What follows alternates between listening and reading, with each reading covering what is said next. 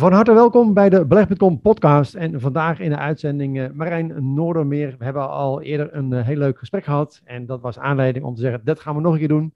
Maar nu gaan we het in iets andere, uh, ander format doen. Namelijk, we gaan een, een vragenvuur op elkaar afvuren. En we gaan in eerste instantie starten met het onderwerp beleggen in aandelen.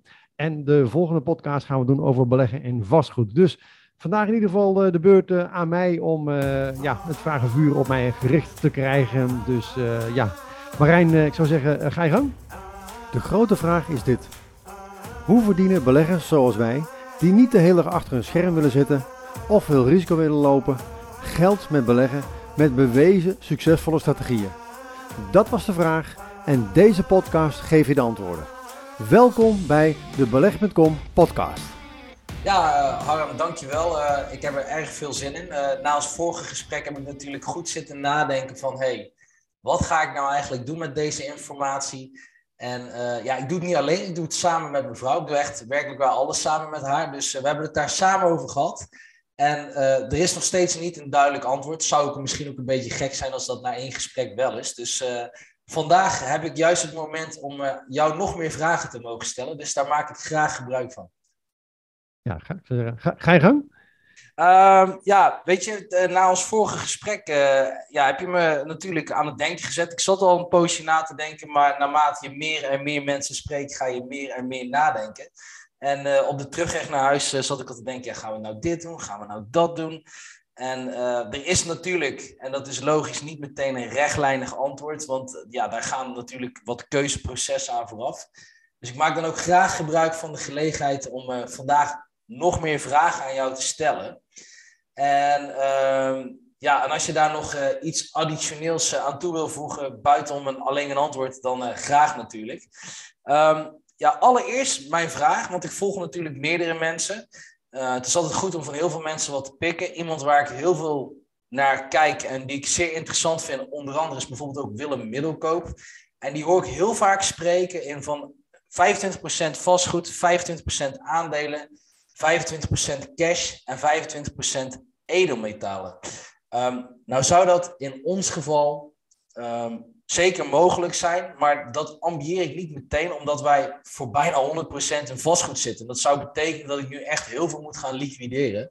Uh, en dat, dat, dat vind ik dan ook weer niet nodig. Maar ik ben eigenlijk allereerst benieuwd naar wat voor jou een gezonde spreiding zou zijn.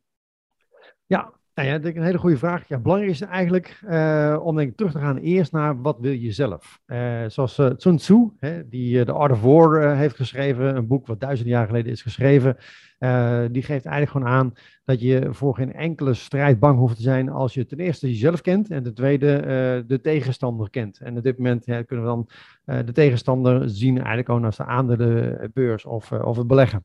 Nou, dus je moet kennis hebben over jezelf. En dat is een van de belangrijkste dingen denk ik voor een goede spreiding in je portefeuille. Moet je dus eerst gaan kijken, wat is mijn risicoprofiel? Wat is mijn doel? Hè? Waar sta ik nu? Waar wil ik naartoe? Uh, lig ik s'nachts wakker op het moment dat ik bijvoorbeeld zie dat de aandelenbeurs 10% eh, of 20% naar beneden gaat of niet? Nee, dus dat is eigenlijk een van de belangrijkste dingen. Dus leer eerst jezelf kennen. Hè? Ga voor jezelf aan de slag om uh, een risicoprofiel, een beleggingshorizon, een beleggingsdoel voor jezelf te definiëren. Uh, want ik denk niet dat er één gouden formule is die voor iedereen. Vroeger werd er wel, wel eens uh, gesproken over bijvoorbeeld een 40-60 of een 60-40 verhouding. Bijvoorbeeld 40% in, in aandelen, 60% in obligaties. Nou ja, we hebben gezien, ook met de oplopende rente, dat de koersen van obligaties natuurlijk gewoon dan hard naar beneden kunnen gaan. Dus op dit moment is dat niet heel verstandig. Zeker vanwege het feit dat natuurlijk obligaties op dit moment uh, een negatief uh, rendement eigenlijk opleveren. Dus je moet geld meenemen om het te mogen investeren in bijvoorbeeld Duitse, uh, Duitse obligaties of Nederlandse obligaties. Dus dat is niet zo interessant. goud is ook wel een heel interessante. omdat goud natuurlijk niet echt een rendement oplevert. En nou, zoals jij weet, uh, aandelen leveren dan dividend op, uh, vastgoed levert uh, rente op, obligaties leveren rente op, tenminste leveren de rente op moet ik zeggen. en dat is eigenlijk de definitie natuurlijk gewoon van een, van een asset, van een, een, een actief. Hè? Iets wat een positieve kaststroom oplevert. En goud levert geen, geen kaststroom op, sterker nog, het kost geld om goud op, op te laten slaan, hè? tenzij het zelf onder je, onder je matras gaat stoppen. Maar ja, op het moment dat je dat tegen de inbrekers gaat vertellen, dan komen ze goud halen. Dus dan ben je, ben je ook niet zo, uh, niet zo blij. Dus daarom is het belangrijk om dat dan in een kluis uh, te doen. Of uh, in ieder geval op een veilige plek op te slaan. en niet onder je matras te gaan doen. Ja, maar nou ja, dan, ik dan, denk dat je letterlijk en figuurlijk niet meer lekker slaapt als je maar genoeg goud onder je matras hebt. Want dan, dan wordt het een hard, hard matrasje en, en de nachtrust is denk ik ook weg. Dus ja, ik, ik, ik, ik, zou dat niet in ieder geval inderdaad gewoon aanraden. En er zijn tegenwoordig hele goede partijen die uh, met, met, met, met kluizen werken en waar je gewoon uh, online kan, kan, uh, kan kopen. En zij slaan dan op dat moment, ik heb bijvoorbeeld de Doyer en Kalf, maak je zelf veel, veel gebruik van. Die hebben gewoon kluizen achter de douane. Zoals bijvoorbeeld ook als je zilver koopt, dat je dus geen btw erover hoeft te betalen, want zilver is toch gewoon industrieel metaal. Dus ja, dus belangrijk is denk ik gewoon eerst eens eventjes gaan kijken van, van uh, wat, wat wil je zelf. Um, en dan zou je inderdaad gewoon uh, over de duim bijvoorbeeld inderdaad wel een mooie verhouding kunnen maken tussen 25% in aandelen, 25% in, in, in, cash. Hè. En cash kun je tegenwoordig ook gewoon zien in, in de vorm van cryptocurrency. Uh, je kan het in edelmetalen stoppen. Uh, je kan het in vastgoed stoppen. Maar een van de belangrijkste dingen is eigenlijk dat je een, een, een, een balans hebt in je portefeuille. Dat op het moment dat de aandelenbeurzen naar beneden gaan, dat je op dat moment dat wel weer uh, ja, je inkomsten uit je vastgoed bijvoorbeeld, uh, of de waarde van je goud intact blijven. Dat je dus daardoor in ieder geval niet nerveus wordt. En dat je dus ook regelmatig gaat herbalanceren. Dus op het moment dat jij bijvoorbeeld, uh, stel je was in, in, in, in 2020 ingestapt in maart, de beurs uh, AX stond toen op, uh, op 400 punten. Een half jaar geleden stond de beurs ineens op de 800 punten. Dan heb je op dat moment dus 100% rendement gemaakt met je aandelen. Nou, dan is het verstandig ook om te gaan herbalanceren. Nou, stel dat je dan een deel van jouw winst van de aandelen daaruit had gehaald en was gaan investeren in vastgoed of in goud, of in obligaties, of in cryptocurrency. dan had je op die manier ook alweer eens een keer risico kunnen spreiden. Nou, uh, waar, waar je mee begonnen is natuurlijk hè, dat je jezelf moet kennen. Uh, nou, ik denk dat ik mezelf inmiddels na uh, 33 jaar wel een klein beetje ken. Ik ben een jongen die eh, niet bang is voor een risico te nemen. Ik doe dat wel overigens altijd met het idee dat er ook een plan B is. Dus als het iets fout gaat, when shit hits the fan, dat er toch nog een, een backup plan is. dus um, waar ik me bewust van aan het worden ben, is dat ja, de manier waarop wij ons vermogen voornamelijk mee hebben opgebouwd, dus door te hefbomen en daarvan vastgoed te kopen, vrij succesvol. Um, ja, die methode werkt fantastisch voor maar ik besef me ook wel dat we ook op een, nou ja, bepaald koordje wandelen. Dat, ja, weet je, als het geld alleen eens een keer voorbij is, of als de markt toch eens een keer tot stilstand komt of zelfs daalt, um, ja, dan is er ook niets meer om mee te investeren dat je huis onder water komt te staan, dat vind ik op zich niet zo spannend. Want als je die verkoopt en de huurinkomsten binnenkomen, is er niet zoveel aan de hand. Um, er is eigenlijk niks aan de hand, zolang je gewoon het geld kunt blijven lenen.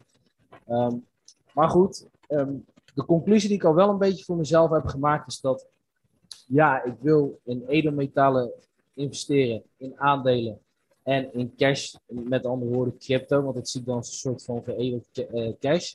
Uh, maar ik wil dat alleen doen met geld dat van mij is. Dus geen geleend geld. Um, want ik denk toch dat die beurzen toch veel meer, die koersen moet ik zeggen, veel meer bewegen dan bijvoorbeeld de huizenmarkt. Dus ik vind het erg belangrijk dat ik daar wel een soort van um, rust kan vinden dat het niet net geleend geld is. Um, hoe die balans dan precies is, dat weet ik niet helemaal. Ik las van de week, vond ik het erg interessant trouwens, dat goud door sommige mensen ook wordt gezien als een verzekering. Ik weet niet, hoe, hoe Vind je dat een logische uitspraak of uh, kun je daar niet echt in vinden? Ja, nee, absoluut. Ik denk dat, kijk, goud is vroeger natuurlijk altijd gebruikt als, uh, als, betaalmiddel uh, en, en ook als store of value. En hè, we hadden vroeger ook de, de Nederlandse gulden. Hè, daar komt ook een beetje, het, woord goud zit daar ook een beetje in. We hadden vroeger, ik geloof tot 1973 hadden we ook zilveren, zilveren tientjes bijvoorbeeld. En gouden tientjes. En uh, een gouden tientje is volgens mij even uit mijn hoofd uh, laatst geslagen, dacht ik, in, in 1933, 1934 zo'n beetje. En die was toen 10 gulden. Dus is omgerekend nu 4,5 euro. Maar als je nu een gouden tientje koopt, dan betaal je iets meer dan die 4,5 euro, namelijk zo'n 300 euro. En dat is dus eigenlijk gewoon de inflatie. En dus waar je vroeger in de jaren 30 uh, eh, met drie gouden tientjes één ma maatpak kon, uh, kon laten maken, kun je nog steeds voor drie gouden tientjes, voor 900 euro, een maatpak laten maken. Dus uh, de koopkracht is op dat moment, ja, die blijft behouden, omdat er, er is een bepaalde hoeveelheid goud. Er is nog een bepaalde hoeveelheid goud in de aarde op dit moment, die geld kost om het eruit te halen. Dus je kan niet goud ongelimiteerd blijven bijdrukken. En uh, in tegenstelling tot bijvoorbeeld uh, papiergeld, dat kan je ongelimiteerd uh, blijven bijdrukken. En zeker helemaal met tegenwoordig de centrale banken toetsen op een toetsenbord wat cijfers in en daarmee hebben ze geld gecreëerd. Dus geld creëren, geld bijdrukken is een koud kunstje tegenwoordig, waar dat vroeger niet, niet, niet lukte. Dus daarom denk ik inderdaad, goud is echt een, een store of value, is echt iets wat, uh, ja, uh, wat, wat zijn koopkracht behoudt. En dat is denk ik wel een van de belangrijkste dingen, denk ik, wat de functie is van, van goud. Oké, okay, ja, als je het dan over edelmetalen in algemene zin hebt, zou je dan, um, zou je dan bijvoorbeeld eerder voor goud kiezen of zou je eerder voor zilver? Of zou je daar ook weer een bepaalde mix in aanhouden? Dat is ook een goede vraag. Uh, en belangrijk daarbij is om te kijken naar de goud-zilver ratio. En uh, want je kan uh, vroeger, die verhouding die, die wisselt nogal. En op dit moment is zilver relatief goedkoop ten opzichte van goud. En daarom, als je bereid bent ook om iets meer risico te nemen, zou zilver ook wel interessant te kunnen zijn. Het kan een soort van turbo zijn op, op goud. Uh, en het uh, extra voordeel van zilver is ook dat zilver ook wordt gebruikt in uh, alle elektronica. Bijvoorbeeld in auto's, in ja, mobiele telefoons, in, in computers en dergelijke. Dus zilver wordt daadwerkelijk gewoon gebruikt in, als, als industrieel metaal. En daardoor is er altijd een vraag naar zilver. Los van het feit dat het ook op die manier ook wordt gebruikt. Natuurlijk gewoon ook als een store of value. En zilveren, ja. zilveren guldens werden vroeger ook gebruikt. En, uh, dus ik zou zeker ook een, een deel van, van, van, uh, van het edelmetaal uh, zeker in, in zilver aanhouden. En dan vooral gaan blijven kijken naar die, naar die gold-silver ratio. En dan zie je op een gegeven moment als zilver ten opzichte van goud weer eigenlijk de inhaalslag heeft gemaakt. Want het gaat ook vaak weer in golfbewegingen. om dat moment misschien een deel van zilver weer te converteren in, in goud. Maar zeker op dit moment ja, is, verdient zilver zeker een, een plaats in je portefeuille, denk ik. Dus eigenlijk zou je zeggen dat uh, edelmetalen in, in, in algemene zin eerder een soort van verzekering zijn, maar dat er ook momenten zijn wanneer ze ondergewaardeerd zijn, zoals zilver dus nu. Dan zijn ze dus wel interessant om daar misschien ook zelfs vermogen op te kunnen laten groeien. Ja, want je weet eigenlijk één ding vrijwel zeker, is dat de waarde van goud en zilver redelijk uh, stabiel blijft. En dat heeft ermee te maken dat bijvoorbeeld nu de centrale banken, Centrale Bank van Rusland, Centrale Bank van China, zijn op dit moment allemaal goud aan het opkopen. Ja. En dat doen ze niet omdat ze uh, uh, goud nou zo mooi vinden glimmen, of ze weten gewoon dat het traditioneel duizenden jaren al gewoon een store of value is. Ja. Dus als ja, het financiële stelsel klapt, dus niet, het is niet of, maar het is meer een kwestie van wanneer. Want we zien ja. Er wordt zoveel geld nu bijgedrukt. Ja, ja. dan weet je gewoon, de afloop is, dat, die, die is heel duidelijk. De enige vraag is eigenlijk gewoon wanneer implodeert ja. het systeem. En dan zullen de centrale banken, die op dat moment dan uh, goud als, als, als, uh, ja, in hun kluis hebben liggen, dus de waarde uh, als waarde kan dienen feitelijk voor de nieuwe munt, ja, die hebben natuurlijk gewoon een streepje voor. En er zal veel meer interesse zijn in uh, valuta die uh, ja. Ja, uh, ja, niet zozeer een goudstandaard, maar in ieder geval een deel van hun, van, van, van, van hun munten zeg maar, gedekt zijn door, door goud. Afgelopen week was ik op vakantie een boek aan het lezen van Robert Kiyosaki. Het boek heet Fake. Ik weet niet of je het boek gelezen hebt of dat je het kent. Nou ja, het is eigenlijk een, een soort van afsplitsing op zo'n al bestaande boeken. Rijke paar, paar, die heb je denk ik al wel een keer gelezen. En, uh, maar hoe dan ook, uh, interessant. Maar um, eigenlijk een beetje het moraal van het verhaal is, is dat het boek heet Fake. En waar die eigenlijk op doelt, is dat heel veel dingen ook fake zijn. Dus zelfs wanneer je uh, in goud of zilver investeert, schijnt het dus zo te zijn dat volgens mij 90% van de goud-zilver omloop niet bestaat. Dat dat papieren transacties zijn. Um, investeer dan jij zelf bijvoorbeeld alleen daadwerkelijk in fysiek goud en zilver? Of doe je ook op de papieren transacties? Nee, dus echt inderdaad gewoon fysiek goud of fysiek zilver. En dat is denk ik een van de belangrijkste nuances die je inderdaad moet aanbrengen. Er wordt inderdaad uh, tien keer zoveel uh, goud verhandeld op papier als dat er überhaupt goud is. En uh, dat is op dit moment ook wel behoorlijk spannend, ook bijvoorbeeld bij de zilvermarkt. Je hebt bijvoorbeeld een, een, een product en dat zijn zilver futures. En dat betekent eigenlijk dat jij uh, in de toekomst je zilver kunt, kunt, kunt kopen. En als je dat dan doet op bepaalde markten, dan heb je ook fysieke levering. Dus dan gaat de deurbel en er staat ineens iemand met een steekwagentje van alsjeblieft, hier is je zilver. Of je goud of je olie. Hè? Want dat, dat soort future termijn contracten worden, feitelijk werkt dat in, in, met fysieke levering. Ehm, en er wordt dus zoveel gehandeld nu op papier, dat ja, als iedereen die die futurecontracten heeft en de zilver, zilver opvragen, dan zou er dus onvoldoende zilver zijn om aan die contracten te kunnen voldoen. En dat geeft eigenlijk een klein beetje ook aan dat ja, inderdaad gewoon echt fake is. En dat is ook gelijk ook waarschijnlijk de reden dat de gouden zilverprijs op dit moment ook heel erg wordt gemanipuleerd. Uh, JP Morgan is daar een, een, een, een bekende naam eigenlijk bij de mensen die zich een beetje verdiepen in die gouden zilver. Die weten dat JP Morgan heel regelmatig in ieder geval de gouden zilverprijs manipuleert. Want je, eigenlijk zou je ook verwachten, als je gaat kijken nu bijvoorbeeld naar de PPI, de producentenprijsindex in de Verenigde Staten, dus ligt nu rond de 20 dat betekent eigenlijk, die producenten die zien dus dat hun prijzen 20% zijn gestegen. En die moeten dus een deel eigenlijk gaan doorberekenen in de, in de consumentenprijsindex, in de CPI. Ja. Uh, nou, dat doen ze, kunnen ze nu nog maar voor een deel doen. Maar dat betekent eigenlijk, als we dat dus onvoldoende mate kunnen doen, dat op dat moment dan uh, ja, ze minder winst gaan maken als bedrijf zijnde. Uh, en daarom zullen ze, ja, ze zullen een deel in ieder geval gaan, gaan doorbelasten naar de consument. Maar stel dat ze de helft doorbelasten van die prijsstijging, dan betekent het dus dat de, de consumentenprijzen met 10% gaan stijgen. Maar de goudprijs zie je eigenlijk heel langzaam maar oplopen. En waarschijnlijk komt dat inderdaad gewoon omdat de grote banken, de grote jongens, niet willen dat die goudprijs zo hard gaat oplopen. Wellicht omdat nu de centrale banken aan het opkopen zijn.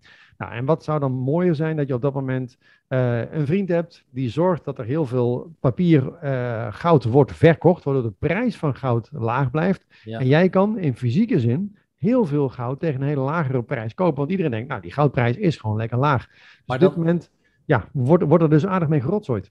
Maar dan uh, is mijn volgende gedachte een stap vooruit. Dus, dan, dus uiteindelijk gaat hij dan wel, ja, als ik het zo mag noemen, exploderen dan uiteindelijk.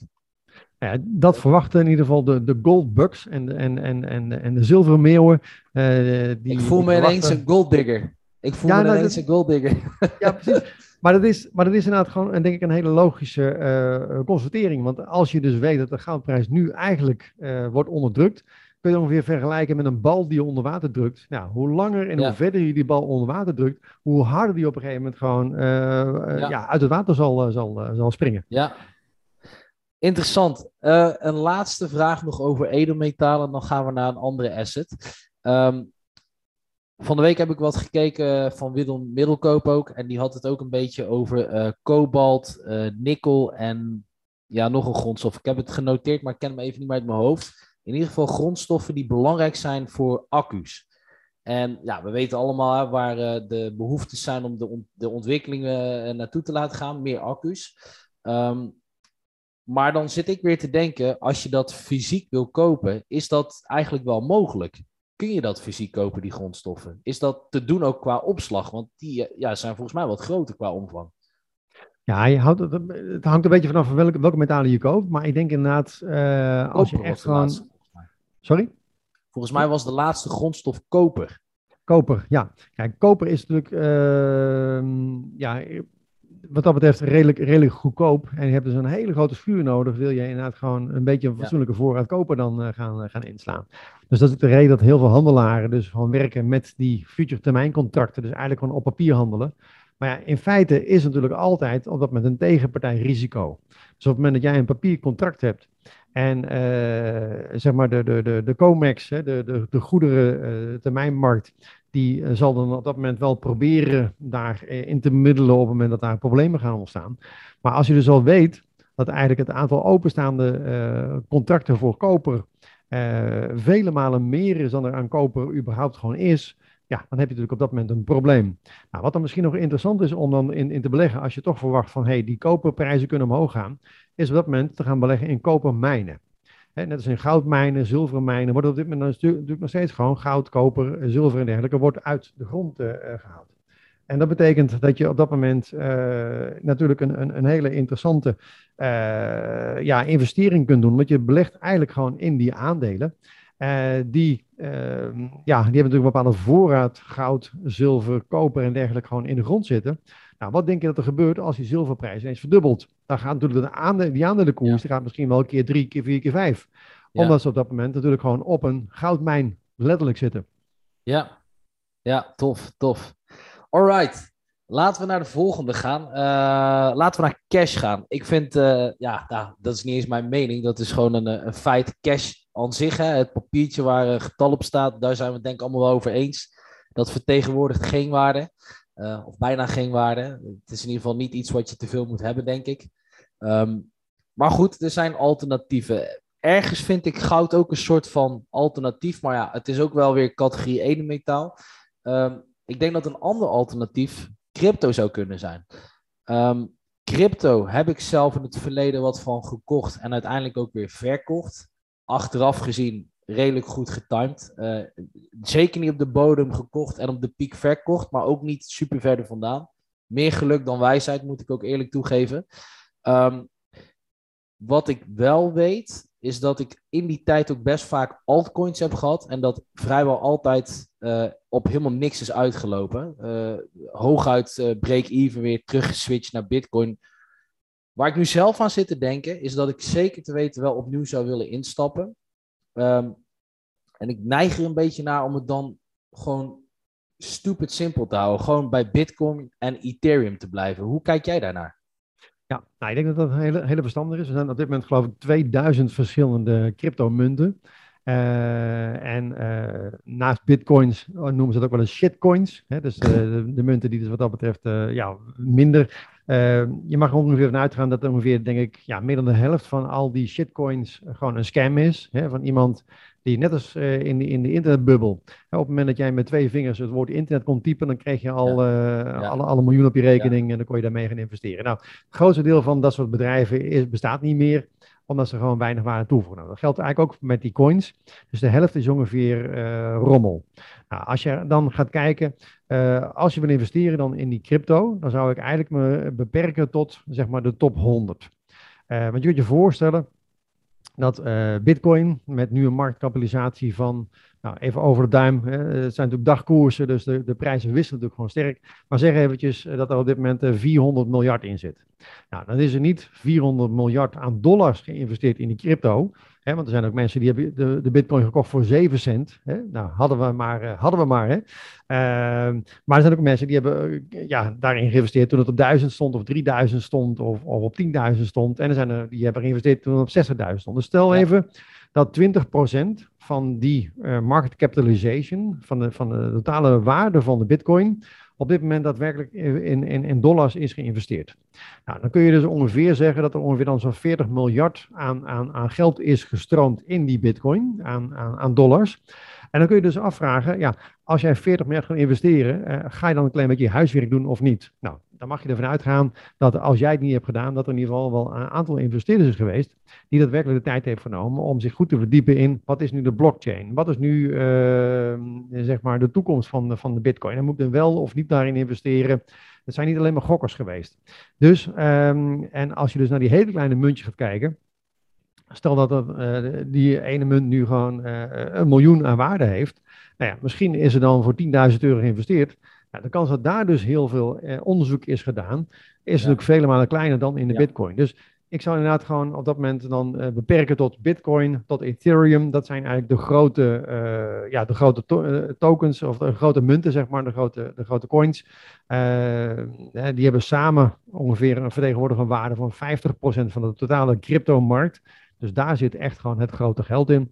En daarnaast kun je misschien nog gewoon voor de spielerij gewoon eens zeggen van, weet je wat, ja. ik ga hier en daar nog wat dingetjes. Uh, want ja, het is natuurlijk uh, ja, een, heel, een, heel, een hele, ja, het is een nieuwe markt. We weten er nog heel weinig van. Maar een muntje met uh, de kop van, van, een, van een hond erop, ja, dat dat gewoon nu zoveel ja. meer waard is, terwijl er eigenlijk nog helemaal niet eens een toepassing voor was, nee. is natuurlijk gewoon, ja, krankzinnig. Volgens mij, uh, je, je, volgens mij heb je het dan over Dogecoin, wat eigenlijk als een grapje... Het is een ja. grapje toch eigenlijk, Dogecoin? Klopt. Het, het, ja, het was, het was als grap is het, is het ontstaan, maar inmiddels is het eigenlijk geen grap meer. Want het, is, het heeft nu echt gewoon uh, een behoorlijke waarde inmiddels uh, gekregen. Onder andere omdat, omdat Elon Musk zei van, nou, ik vind dat een hele mooie munt. terwijl het eigenlijk gewoon heel weinig voorstelt. Maar dat geeft ook een klein beetje aan hoe die markt dus eigenlijk gewoon wordt beïnvloed. Hè? Als er dus één bekende miljardair is die zegt van... hé, hey, ik vind het een leuke munt dan wil iedereen ineens in die munt. En als uh, er, er, één iemand roept uh, dat, het, dat het niet zo goed is, dan rent iedereen er weer net zo hard uit. Dus nou, dat is gewoon denk ik ook een beetje de, de, de, ja, vergelijkbaar met de internetbubbel. Toen kwamen er ook ontzettend veel nieuwe bedrijven bij. Hè. New Economy bijvoorbeeld, het bedrijf van, van, van, uh, van Maurice, zeg maar, die uh, ook met het idee had van ik ga erin ja. investeren. Uh, Nina Brink, hè, die met, met, met World Online uh, kwam. bedrijven die net zo snel weer weggingen als dat ze kwamen. En ik denk dat dat ook een beetje vergelijkbaar is op dit moment met de cryptomarkt. De cryptomarkt zit echt nog in de kinderschoenen.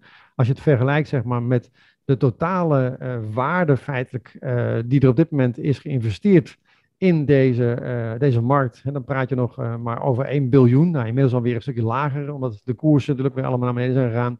Maar dat betekent feitelijk gewoon dat er heel weinig uh, ja, nog bekend is eigenlijk over hoe werkt het nou, wat, wat, waar gaan we in de toekomst naartoe. Maar daarom denk ik dat het ja. belangrijk is dat je op dat moment ja, je echt gaat focussen op wat is dan toch redelijk ja, bewezen. en dan Bitcoin, Ethereum, zou eens naar eh, XRP kunnen kijken. Daar zitten hele grote banken zitten daar uh, achter. Sol, dus als je beperkt op bijvoorbeeld de top 10, dan heb je denk ik een redelijke kans dat niet jij, maar iemand anders in ieder geval zijn huiswerk heeft gedaan voordat hij ging investeren. Ja. En daar dus gebruik van kan maken. Hey, en um, nu zitten we denk ik hè, in een dalende markt. Volgens mij is dat wel herhaaldelijk bewezen in een poosje. met mijn beperkte kennis denk ik dat dan in ieder geval. Um, hoe kijk jij daarnaar? Denk je dat we binnen een jaar of twee een, een forse stijgende markt gaan meemaken in crypto? Ja, dat is altijd heel erg, heel erg lastig uh, om te voorspellen. Als je dat over, over, over vijf jaar vertelt, dan kan ik je precies vertellen hoe het, hoe het gegaan is. ja. uh, vooraf uh, voorspellen is heel erg, heel erg ingewikkeld. wat ik wel weet, is gewoon, het internet bijvoorbeeld heeft een enorme impact gehad eigenlijk op, onze, op hele, onze samenleving. En wat ik verwacht is dat de blockchain een nog grotere impact gaat krijgen op, uh, de, uh, op, op onze hele economie, op, op onze hele samenleving. En dat zie je eigenlijk een klein beetje al ontstaan door middel van smart contracts. Um, hè, kan ik me zo voorstellen dat jij zometeen vastgoed gaat kopen en dat er geen kadaster meer nodig is, dat er ja. geen notaris meer nodig is, omdat je gewoon weet wie de eigenaar is van ja. dat stuk vastgoed. En dat uh, in de blockchain ook kan worden gecontroleerd of jij daadwerkelijk geld hebt ja. om over te maken om het huis te kunnen kopen. Nou, datzelfde geldt eigenlijk gewoon voor, voor, voor aandelen. Dat je zometeen ook, je hebt geen broker meer nodig, want je kunt peer-to-peer, -peer, van persoon naar persoon, kun je gewoon handelen. Ja. Omdat door middel van die smart contracts is vastgelegd dat jij bijvoorbeeld dat aandeel Royal Dutch Shell in bezit hebt. En dat ik het geld overmaak naar jou en jij op dat moment het eigendom overdraagt aan mij. En daarmee heb je dus enorm veel economische toegevoegde waarde, want je hebt geen beurzen meer nodig. Je hebt geen banken, geen brokers meer nodig. Dus daarmee spaar je dus ontzettend veel uit. En die efficiëntieslag, nou, en dat is wat we ook hebben gezien met het internet. Hè. Je kan nu net zo makkelijk iets online bestellen, nog makkelijker eigenlijk dan dat jij iets, iets uh, naar de winkel gaat kopen. Hè. Als jij een nieuwe microfoon nodig hebt, ga je die waarschijnlijk online bestellen. In plaats van dat je op de fiets stapt naar de winkel en daar laat uitleggen door de verkoper welke microfoons er allemaal zijn. Ga je even googlen welke heeft de beste reviews. En die bestel je op dat moment. En de volgende dag ligt die bij jou gewoon uh, op de deurmat. Ja. Nou, als ik jou zo hoor praten, ben jij ook wel optimistisch uh, op, op de lange termijn voor, voor crypto. Als ik het een beetje goed inschat. Ik zelf ook hoor. Ik, ik ben er nog niet aan uit hoeveel van het vermogen daar uiteindelijk naartoe gaat. Maar dat ik het zeer interessant vind, dat, dat staat als een paal boven water. misschien om af te sluiten op categorie cash slash crypto. Want ja, cash is treasure. Um, um, heb je nog een soort van pareltje waar je, heb je nog een klein projectje wat, wat niet in die top 10 zit, waarvan je denkt, hier geloof ik echt in? Uh, ik ben bijvoorbeeld zelf ook uh, betrokken bij, een, bij een, een token, is dat dan. Dus het is eigenlijk een, een, een, munt die gebaseerd is op een andere munt. en dat is een token of expertise. En omdat het voor heel, uh, voor veel mensen heel ingewikkeld is om nou de juiste expert te vinden. Stel dat jij nu een expert zou willen zoekt in, op het gebied van, van, van cryptocurrency of op het gebied van, van vastgoed. Nou, dan is het dus heel ingewikkeld om op dat moment iemand te vinden waarvan je dus gewoon weet van ja, maar dat is de, de, de go-to guy of go-to girl. Dat is de persoon die ik moet hebben.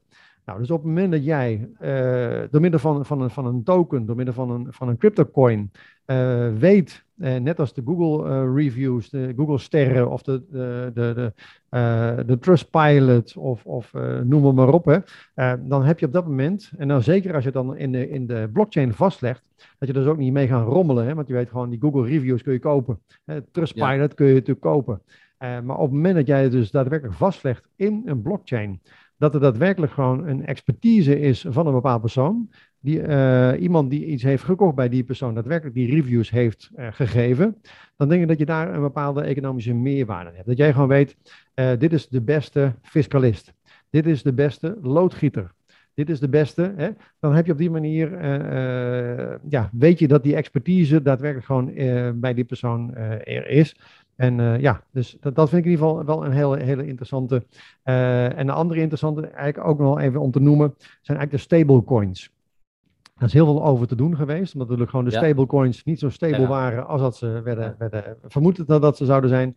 Uh, komt ook daar weer, is de helft is ongeveer uh, bagger. Uh, hè, bijvoorbeeld die, die, die, die, die Luna, dat bleek uiteindelijk, en dat wisten we met z'n allen eigenlijk wel, niet echt um, ja, een waarde te hebben die vertegenwoordigt.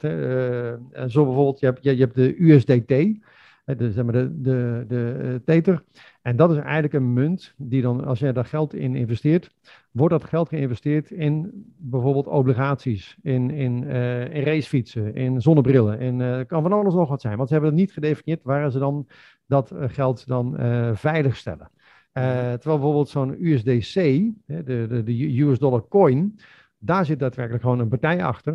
Op het moment dat jij dollars koopt, of dollars investeert in die stablecoin, dan wordt daadwerkelijk dat geld uh, in dollars opgeslagen. En er is een custodian, er is gewoon een bedrijf die op dat moment daadwerkelijk gewoon die coins of die dollars voor jou ja, veilig houdt feitelijk. En dat ja. is denk ik gewoon ook belangrijk, dat je daar ook, ook het kaf van het koren, de scheiding ziet. Uh, dat er goede stablecoins.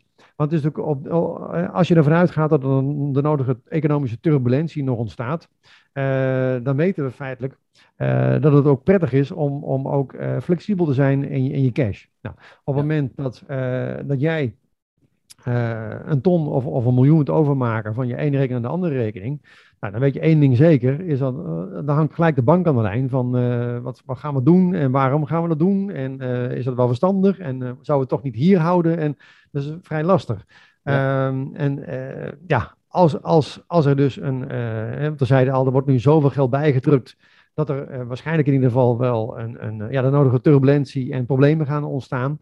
Uh, ja, en als die bank holiday, zoals we dat dan noemen, als de bank niet meer open is, en dat hebben we in het verleden ook, een paar malen gezien, ja, dan belt die bank niet meer. Maar jij kan op dat moment zo hard op, op, op die muis klikken ja. als je wil. Maar jij kan dat geld dan niet meer van de ene nee. bankrekening naar de andere bankrekening overmaken.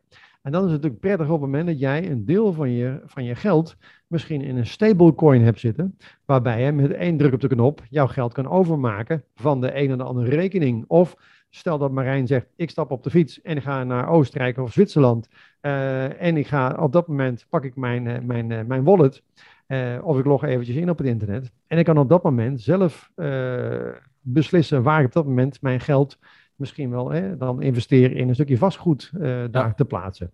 Zonder dat jij daar dus de bank bij nodig hebt. En dat is eigenlijk het mooie van, van deze crypto.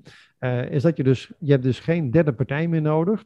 Die feitelijk moet verifiëren of jij daadwerkelijk gewoon wel gerechtigd bent om het allemaal over te maken. Want er zit allemaal in die blockchain. Die blockchain is eigenlijk één groot grootboek die het dus vasthoudt. Nou, Marijn heeft zoveel munten uh, en, en, en, Harm heeft zoveel munten. En als Marijn geld wil overmaken naar Harm, wat ik een goed idee vind, uh, dan uh, kan op dat moment die blockchain verifiëren of je daadwerkelijk dat geld op je rekening ja. hebt staan.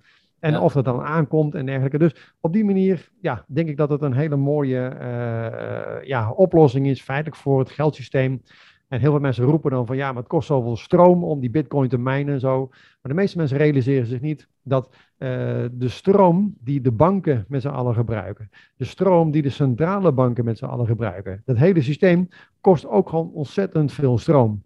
Dus daarom denk ik, ja, is het waarschijnlijk gewoon een goede oplossing ja. van een democratisch systeem. Geld voor ja. en door de mensen, wat niet ongelimiteerd kan worden bijgedrukt. Ja, nou goed, mensen roepen sowieso uh, heel vaak wat ze op de mediakanalen gehoord hebben. Maar als je ze ook vraagt, heb je er ook over nagedacht? Dan krijg je meestal of geen antwoord of een ander antwoord. Dus uh, nou ja, dat, daar moet je zeker niet altijd al te veel naar luisteren, denk ik. Ehm, oké. Nou, ik denk dat, ehm, dat, ja, dat, we, dat ik daar dan toch wel in een goede richting zal te denken. Vind ik wel fijn om te horen. Uh, laten we doorgaan naar wat volgens mij een beetje jouw babytje is. Natuurlijk hebben jullie bij beleggen.com alle expertise in huis. Uh, maar volgens mij, als we het over aandelen gaan hebben, dan word jij volgens mij helemaal enthousiast. Want dat is volgens mij wel een beetje jouw kindje.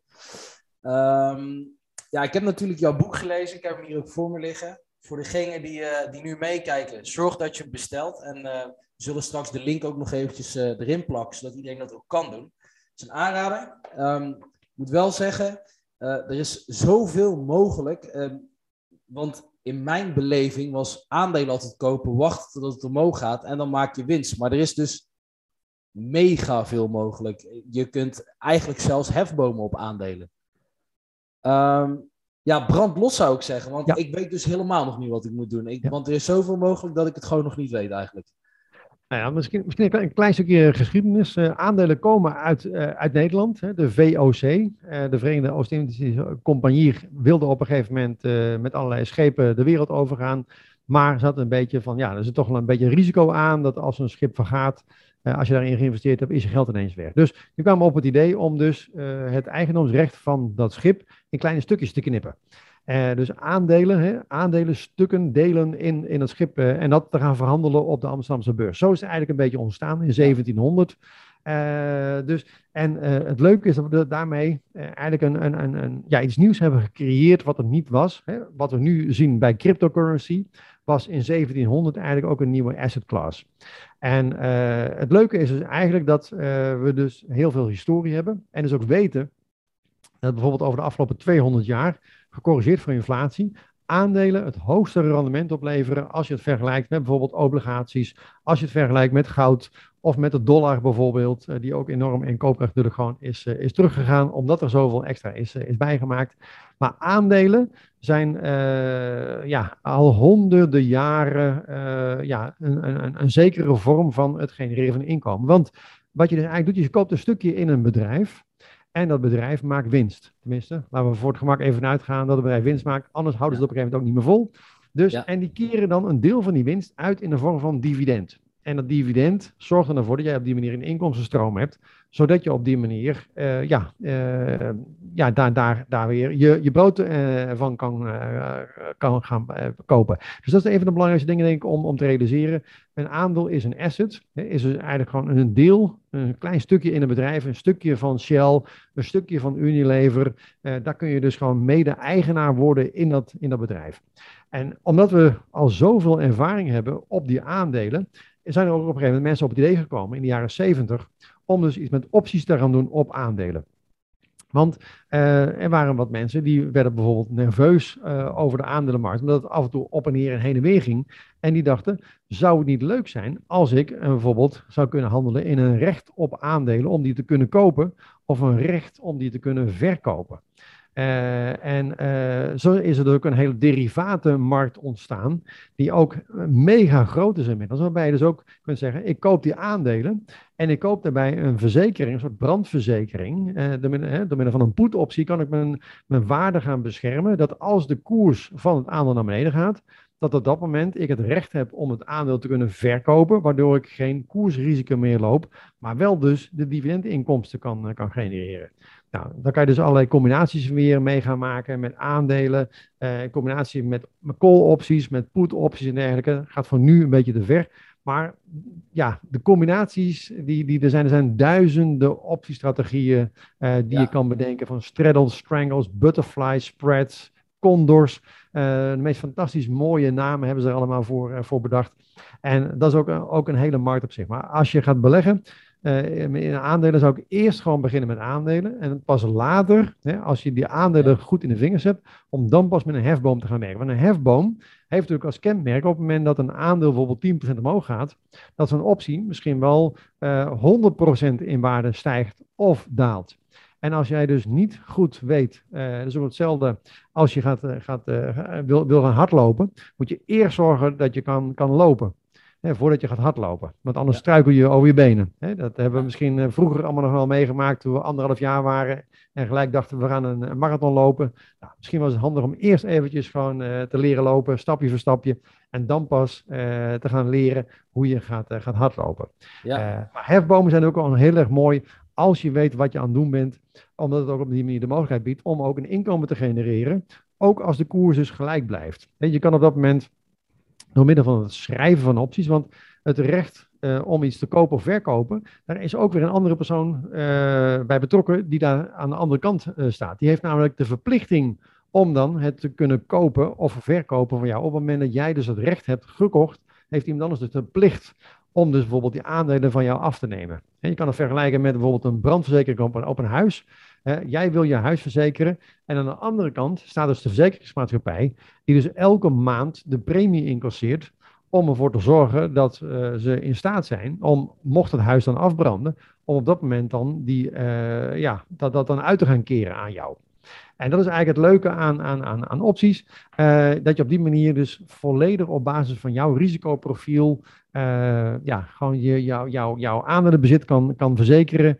Uh, je kan uh, speculeren op, op een, een, een, een korte, uh, snelle stijging, waar je maar een klein stukje investeert in, zeg maar in, bijvoorbeeld een aandeel Royal Shell. Als je zegt van, ik verwacht dat het omhoog gaat, kun je zo'n optie al kopen voor bijvoorbeeld een kwartje.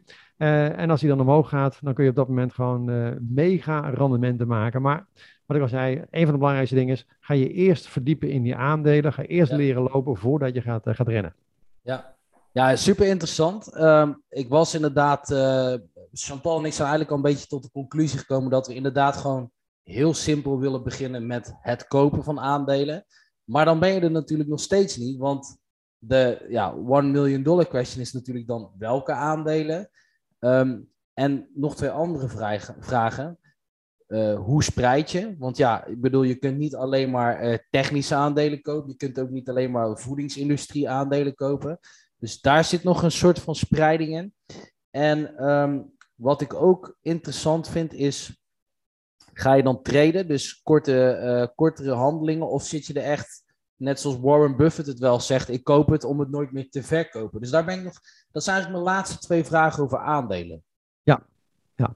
Nou, het is sowieso in ieder geval heel belangrijk om te spreiden. Dat, doet Warren Buffett bijvoorbeeld ook. Uh, en dat heeft ervoor gezorgd dat hij dus een van de rijkste mensen op deze aarde is. Dus uh, altijd wel handig om te kijken naar iemand die succesvol is om te kijken wat heeft hij gewoon gedaan.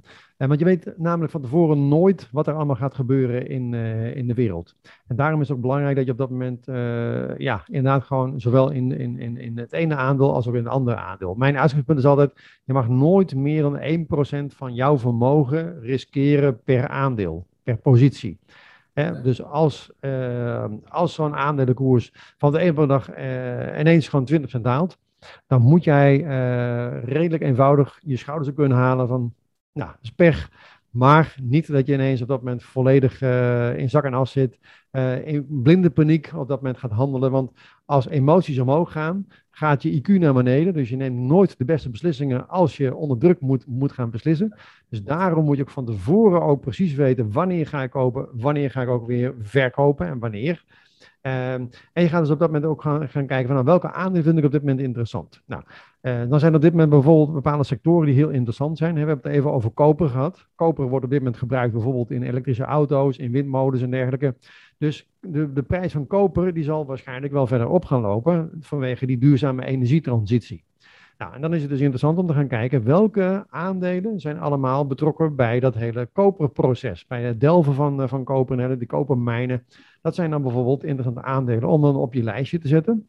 En vervolgens te gaan kijken naar een systeem waarbij je dus uh, objectief kunt vaststellen wanneer je moet gaan kopen en moet gaan verkopen. Want als je het gaat doen op basis van emotie, dan heb je eigenlijk het probleem dat de meeste mensen die, uh, die kopen op de top. Hè, want als iedereen enthousiast is over, ja, maar dit moet je echt gewoon hebben. Uh, hè, iedereen die, die, uh, die herkent dat misschien wel als je bij de kapper komt. En als de kapper gaat praten over welke aandelen je moet kopen, of je zit in een taxi en een taxichauffeur die, die vertelt welke aandelen je moet gaan kopen.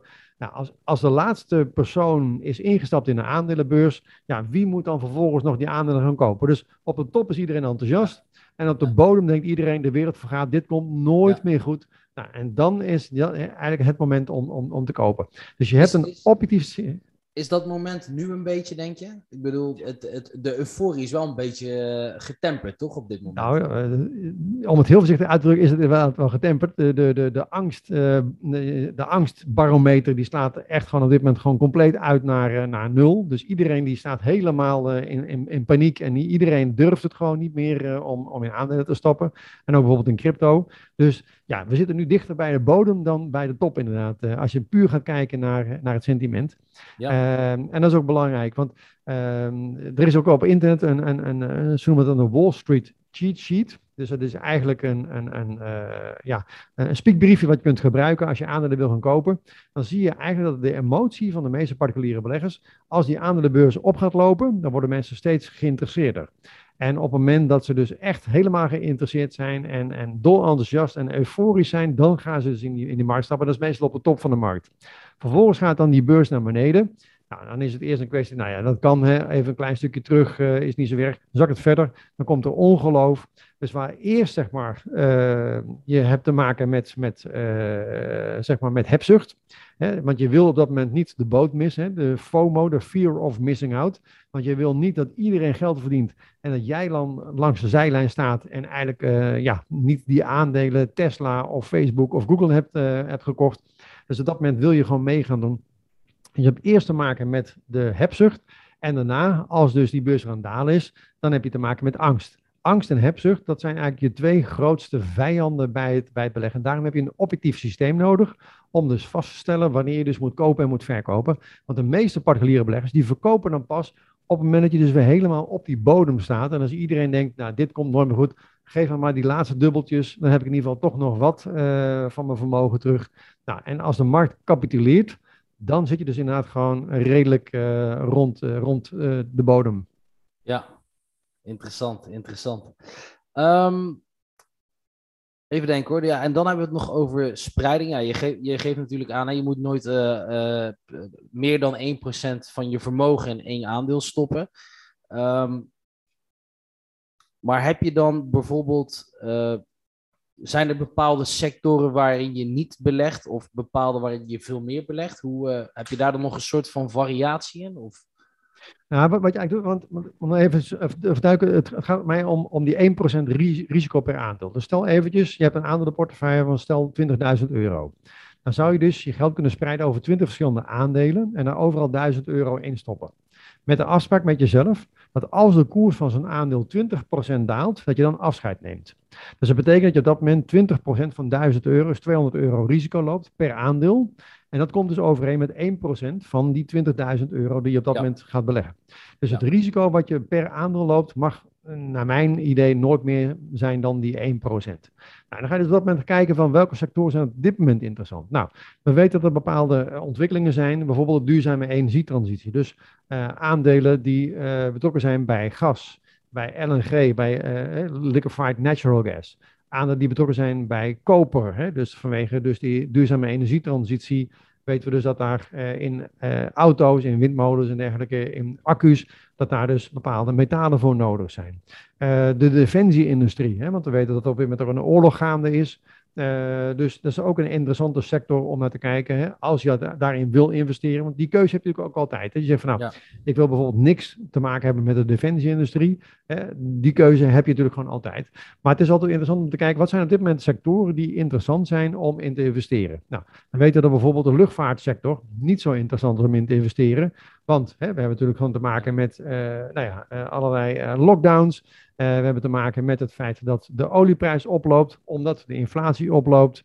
Uh, lopen die olieprijzen op. Nou, de inflatie loopt op omdat er heel veel geld wordt bijgedrukt.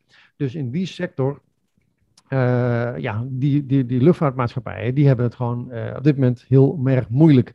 Dus ja. daar wil je op dit moment er gewoon niet in investeren, want beleggers hebben een hekel aan onzekerheid. Uh, dus die hebben het liefste eigenlijk iets wat, wat redelijk voorspelbaar is. Nou, als je weet dat in die duurzame energietransitie er bakken met geld, hè, dan praat je over biljoenen en biljoenen dollars die daarin worden geïnvesteerd, dan weet je dat is niet een trend die zomaar van de een op de andere dag zomaar gewoon over is. Nee. Dus als je gaat kijken naar, naar, naar dat, dat, soort, dat soort trends, hè, die zijn op dat moment interessant. Hè? Cybersecurity, zelfrijdende auto's, fitness is op dit moment interessant en gezondheidsmarkt is er interessant. Dus zo kun je dus bepaalde trends um, selecteren waarvan je zegt van nou, dat vind ik een interessante trend. Daarin zou ik dan wel een deel van mijn geld willen investeren. En dan maak je een lijstje met aandelen die daar actief in zijn. En vervolgens ga je daar het kaf van het koren scheiden. Want ook daar zie je dus gewoon dat bepaalde kopermijnen het heel goed doen. En andere kopermijnen het juist helemaal niet goed doen. Daarom heb je dus ook weer een objectief systeem nodig. Die op dat moment een koop- of een verkoopsignaal geeft. Waarop je dus moet instappen. En ook weer wanneer je dus weer moet uitstappen. Ja, interessant. Um, zo'n lijstje om die samen te stellen. Zou je het leuk vinden als ik zo'n lijstje samenstel, dat ik die een keer aan jou nog laat zien en dat jij kunt aangeven wat jij daarvan denkt? En uh, dat ik voor, uh, misschien een beetje met jouw oordeel daar uh, overheen kan afstrepen waarvan ik denk dit misschien wel, dit misschien niet? Ja, zeker, absoluut. Leuk. Ik ben benieuwd of ik uh, een beetje in de juiste richting aan het kijken ben. Dus uh, ja. oké, okay, nou dat... dat en, en, en, wat misschien ook handig is om, om te doen, er zijn ook er zijn bepaalde trends op dit moment die, die, die, die, die je zelf kan, kan bedenken natuurlijk. Hè, want, nou, we hebben het al gehad, de duurzame energietransitie, zaken die te maken hebben met inflatie bijvoorbeeld, hè, zoals grondstoffen. Um, en wat je dan ook kunt doen is gaan kijken naar bijvoorbeeld ETF's. Nou, ik beleg zelf niet in ETF's, maar een ETF dat staat voor Exchange Traded Fund. Dus het is eigenlijk een index tracker. Noemen ze noemen het ook al trackers. Dus die volgen één op één die index. Maar die geven dus ook aan in welke aandelen zij beleggen. Dus wat je eigenlijk gewoon kunt doen, is uh, gewoon even kunt spieken bij die ETF's. In welke aandelen beleggen die, uh, die ETF's die bijvoorbeeld uh, zich richten op bijvoorbeeld die kopermijnen. Of bijvoorbeeld op die uh, energietransitie. Uh, ja. Dus op die manier kun je dus vrij eenvoudig een mooi lijstje krij krijgen. Hè, of je, kijk, pak bijvoorbeeld de, de Nasdaq-aandelen, de Nasdaq 100. Hè, als je zegt van, ik geloof dat technologie nog een veel grotere rol gaat spelen in de toekomst dan het op dit moment eigenlijk al doet. Dus uh, wij zijn op dit moment uh, wel geïnteresseerd in tech. Nou, dan gaan we uh, kijken naar aandelen die bijvoorbeeld in die Nasdaq 100 zitten. Dan heb je op die manier een mooi lijstje met 100 technologieaandelen. Hè, van ja. Amazon, Google, Facebook en dergelijke. en Netflix. Zodat je op dat moment eigenlijk een, een, een pandklaar ja, wensenlijstje kunt opstellen op basis van... wat er in de index zit of wat er in zo'n zo'n ETF zit bijvoorbeeld. Ja, ja, superleuk. Superleuk. Uh, ik, ja, ik ga zo'n lijstje voor mezelf maken en ik zou die graag nog een keer uh, met jou doornemen. Um, ja, mijn hoofd staat weer te exploderen eigenlijk, want ik heb zoveel besproken. En uh, er zijn heel veel dingen die interessant zijn. Misschien goed om te vermelden, nogmaals voor de mensen die meekijken. Zorg dat je dit boekje zelf ook bestelt. We zullen de link wederom hieronder plaatsen. Het is laagdrempelig en volgens mij, want ik heb hem van jou gekregen, maar het boekje kost volgens mij niets. Hè? Je kunt hem gratis bestellen volgens mij. Ja, het, het, boek is gratis. Het enige wat ik dan van vraag is, is een kleine bijdrage in de verzendkosten. Want ja, als ik, uh, ik ben inmiddels met de vierde druk uh, bezig. Dus als ik al die boeken uh, ook nog moet, moet opsturen. En ik, heb, ik hoef dat gelukkig niet mezelf te doen. Maar iemand anders stuurt dan de boeken voor me op. Maar die wil er wel een vergoeding natuurlijk voor hebben. Dus daar vraag ik een kleine bijdrage in de, in in de verzendkosten. Dus, uh, en dan krijg je het boek van mij gewoon helemaal gratis. Ah, super. Nou, nogmaals, zorg dat je het bestelt. Binnenkort gaan we een, uh, een nieuwe show doen. Dan uh, gaan we de rollen omdraaien. Dan mag jij namelijk jouw vragen aan mij afvuren. En voor de mensen die uh, daar zin in hebben om meer te gaan leren over vastgoed. Misschien ook nog een tip. Ik heb ons eigen boek Zonder Eigen Vermogen er even bijgepakt. Hetzelfde verhaal als bij Harm. Ook wij doen ons boek gratis verzenden. Of uh, gratis, uh, hij is gratis. Hij kost niets. Je hoeft alleen een klein beetje van de verzendkosten te betalen. Zorg dat je hem ook via de onderstaande link bestelt. Zodat je al een beetje kunt voorbereiden op wat er in het volgende gesprek gaat komen. Want uh, ja, ik denk dat uh, zoals jij mij heel veel hebt kunnen vertellen vandaag. En, en ik krijg eigenlijk alleen maar meer vragen naar dit gesprek. Maar uh, denk ik dat ik jouw vragen volgende keer ook zeker zal kunnen beantwoorden. Waardoor jij waarschijnlijk weer nieuwe vragen krijgt. dus ja, um, ik denk dat we het daarbij gaan laten voor vandaag. Um, ja, ik, ik wil je heel erg bedanken dat ik deze vragen aan jou mocht stellen. En ik kijk eigenlijk uit naar het volgende gesprek. Nou, ik ook. En uh, vooral ook omdat ik gewoon heel erg gefascineerd ben door uh, hoe jij en Chantal samen in ieder geval in hele korte tijd gewoon een hele mooie vastgoedportefeuille hebben opgebouwd. Waardoor je nu gewoon financieel vrij bent. Hè? Iets wat heel veel mensen natuurlijk gewoon willen. Uh, dus daarom, ik kijk ook gewoon echt naar uit om jou het hemd van het lijf te vragen. want ja, jij bent gewoon iemand die het gewoon heeft gedaan. en die ja door ja, het gewoon te doen eh, heel veel kennis heeft, heeft opgedaan. Dus ik wil heel graag ja, mijn vragen op jou gaan, gaan afvoeren de volgende keer. Ja, nou, ik heb er heel veel zin in en laten we dat snel doen. Gaan we doen. Leuk. Dankjewel. Tot snel. Tot ziens. Wil je meer weten over beleggen?